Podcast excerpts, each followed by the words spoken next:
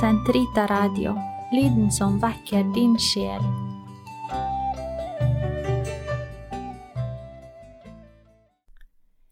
Karmels hage Bønn til din far som er i det skjulte.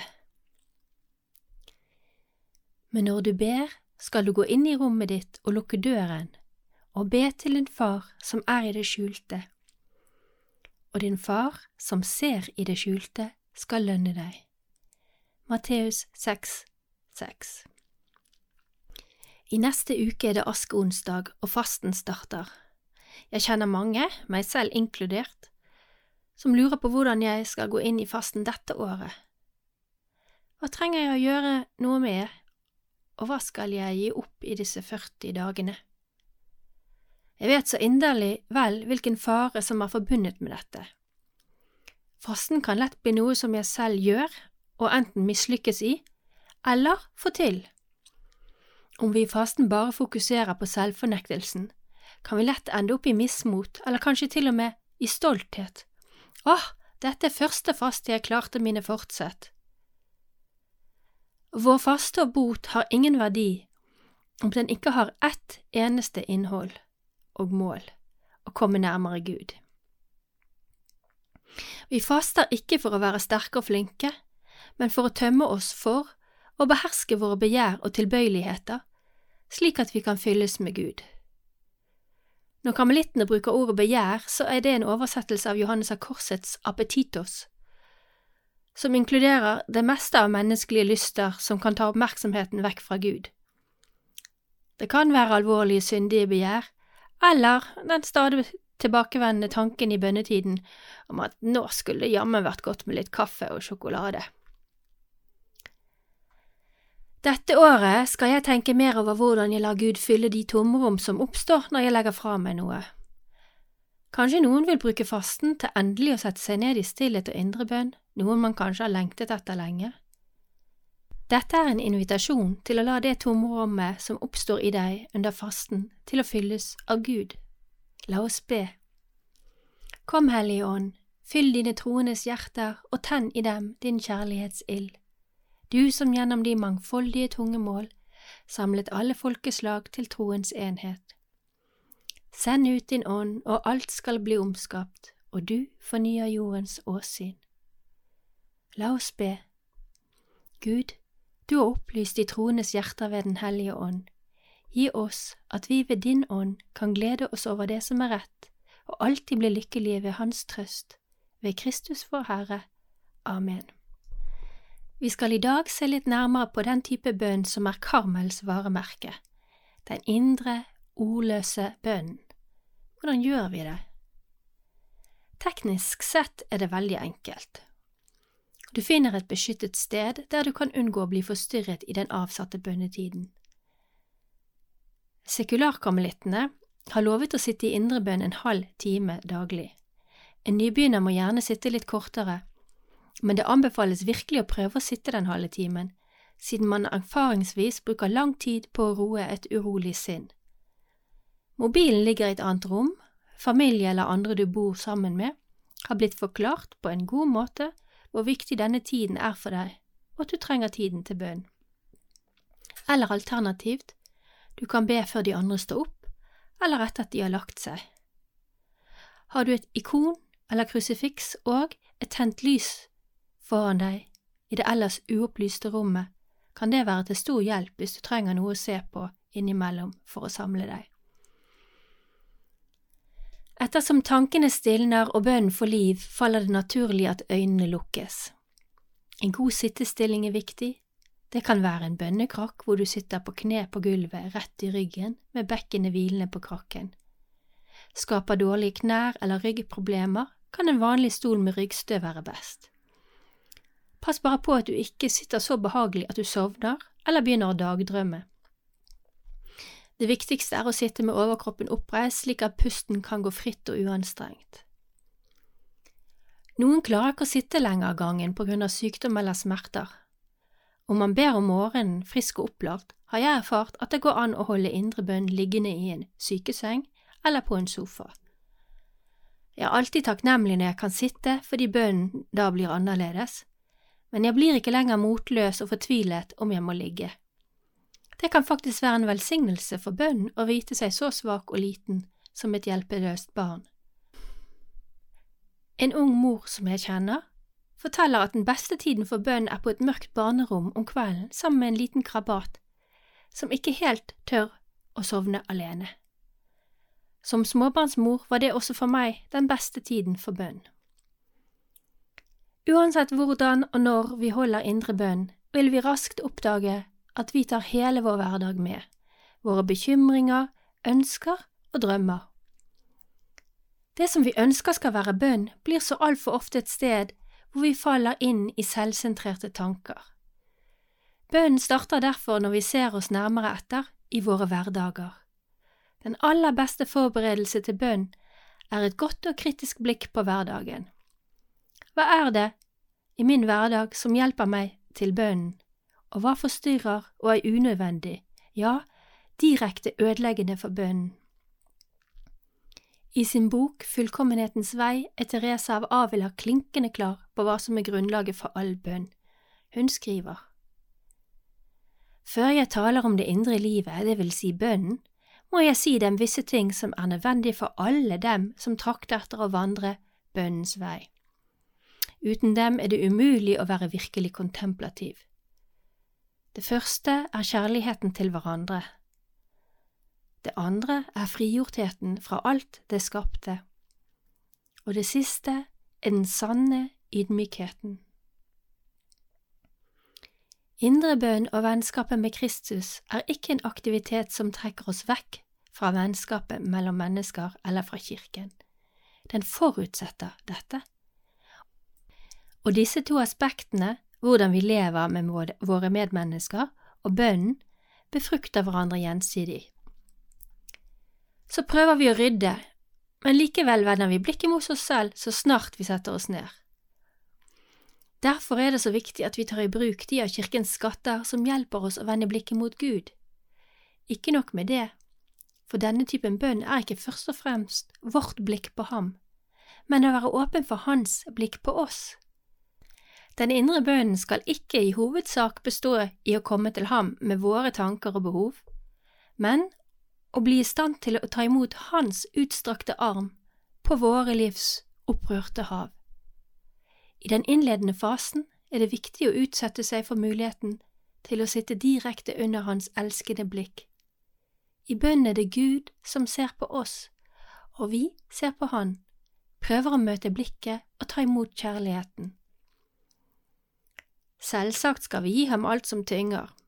Jesus selv sa jo Kom til meg, alle dere som strever og bærer tunge byrder. Lær av meg, for jeg er mild og ydmyk av sinn. I dette underfulle byttet, der vi kommer til bønnen med oss selv, vil vi, i møte med Jesus, få lære av ham, gi slipp på oss selv, og det vil gi fred i våre sjeler. Og for all del, ikke ta tilbake den byrde du har gitt ham Ta heller tilbake hans ydmyke mildhet, og stol på at han skal gjøre det. Teresa forteller oss at hun i mange år ikke kunne be uten en god åndelig bok. Den beste av dem alle er selvsagt Bibelen. Dagens bibellesning kan alltid være for hånden. Noen ønsker å synge eller lytte til salmer, andre ser på et bilde eller et ikon. Alt som hjelper oss til å se vekk fra oss selv og over på Gud, er bra. Jeg finner det godt å holde indre bønn etter at jeg har bedt laudes og forbønnene for mine kjære og dem jeg har lovet å be for. Da trer jeg inn i bønnen sammen med kirken, mine kjære, i vår felles tilbedelse og lovsang. Kirken er vår lysende sti mot Herren. Andre igjen velger å la indre bønn komme foran de muntlige bønnene for å be dem fra dypet av sin sjel. Her må hver og en finne frem til det som er best. Uansett hvor og når du ber, glem ikke først å anrope Den hellige ånd, som bare venter på å få gå i forbund for oss med sukk som ikke kan uttrykkes i ord.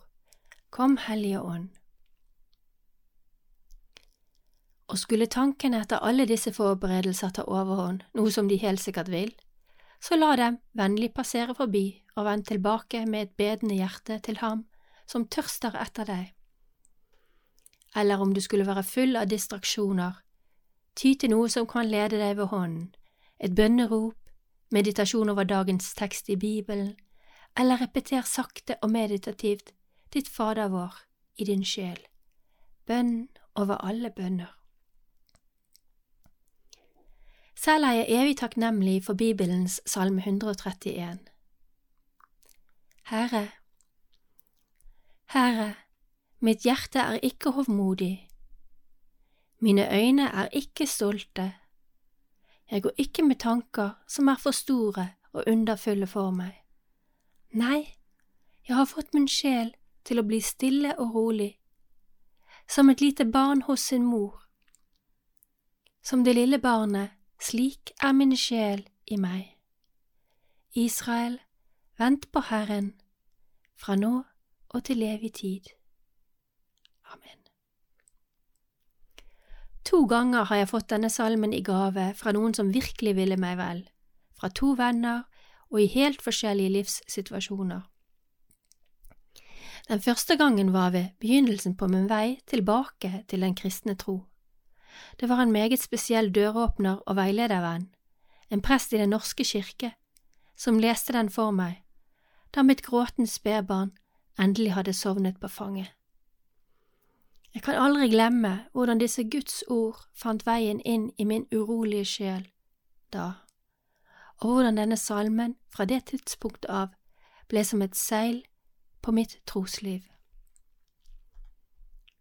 Den andre gangen var det fra en kontemplativ nonne, og denne siste gangen jeg fikk den, kom den med en liten oppskrift på hvordan man kunne tolke den med henvisning til Bibelens Martha og Maria. Jeg er begge givere evig takknemlig, og som en ekte Guds gave må den altså deles. Her får dere den vesle oppskriften. Herre, mitt hjerte er ikke hovmodig. Her snakker salmisten om vårt hjerte, vårt indre, vår Maria-del. Salmisten vet at vårt hjerte på grunn av syndefallet ofte er hovmodig, og han vil peke på hvordan det skal være, hvordan det var opprinnelig ment å være. Alle våre hjerter må evangeliseres, og da skal menneskehjertene ende opp etter Jesu vilje, ikke hovmodige, men milde og ydmyke, og i stand til å gi plass til Hans nåde og kjærlighet.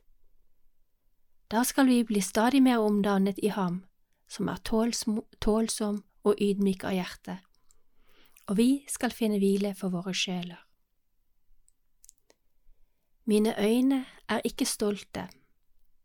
Her peker øynene på det ytre i oss og våre Martha-kvaliteter, der stolthet og det som vi i mer moderne termer kan kalle egoets illusjon, er en av de viktigste hindringene til et liv i Gud.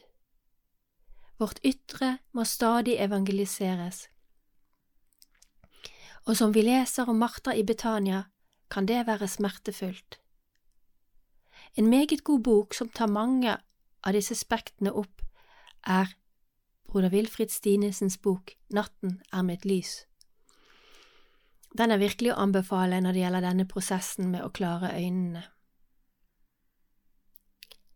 Jeg går ikke med tanker som er for store og underfulle for meg.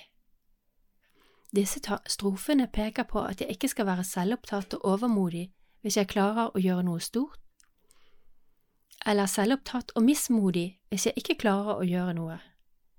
Når vi i tillit ved Jesu føtter tilber treenigheten, og, som barnet, lar oss evangeliseres av ham, da lærer vi å stole på Herren.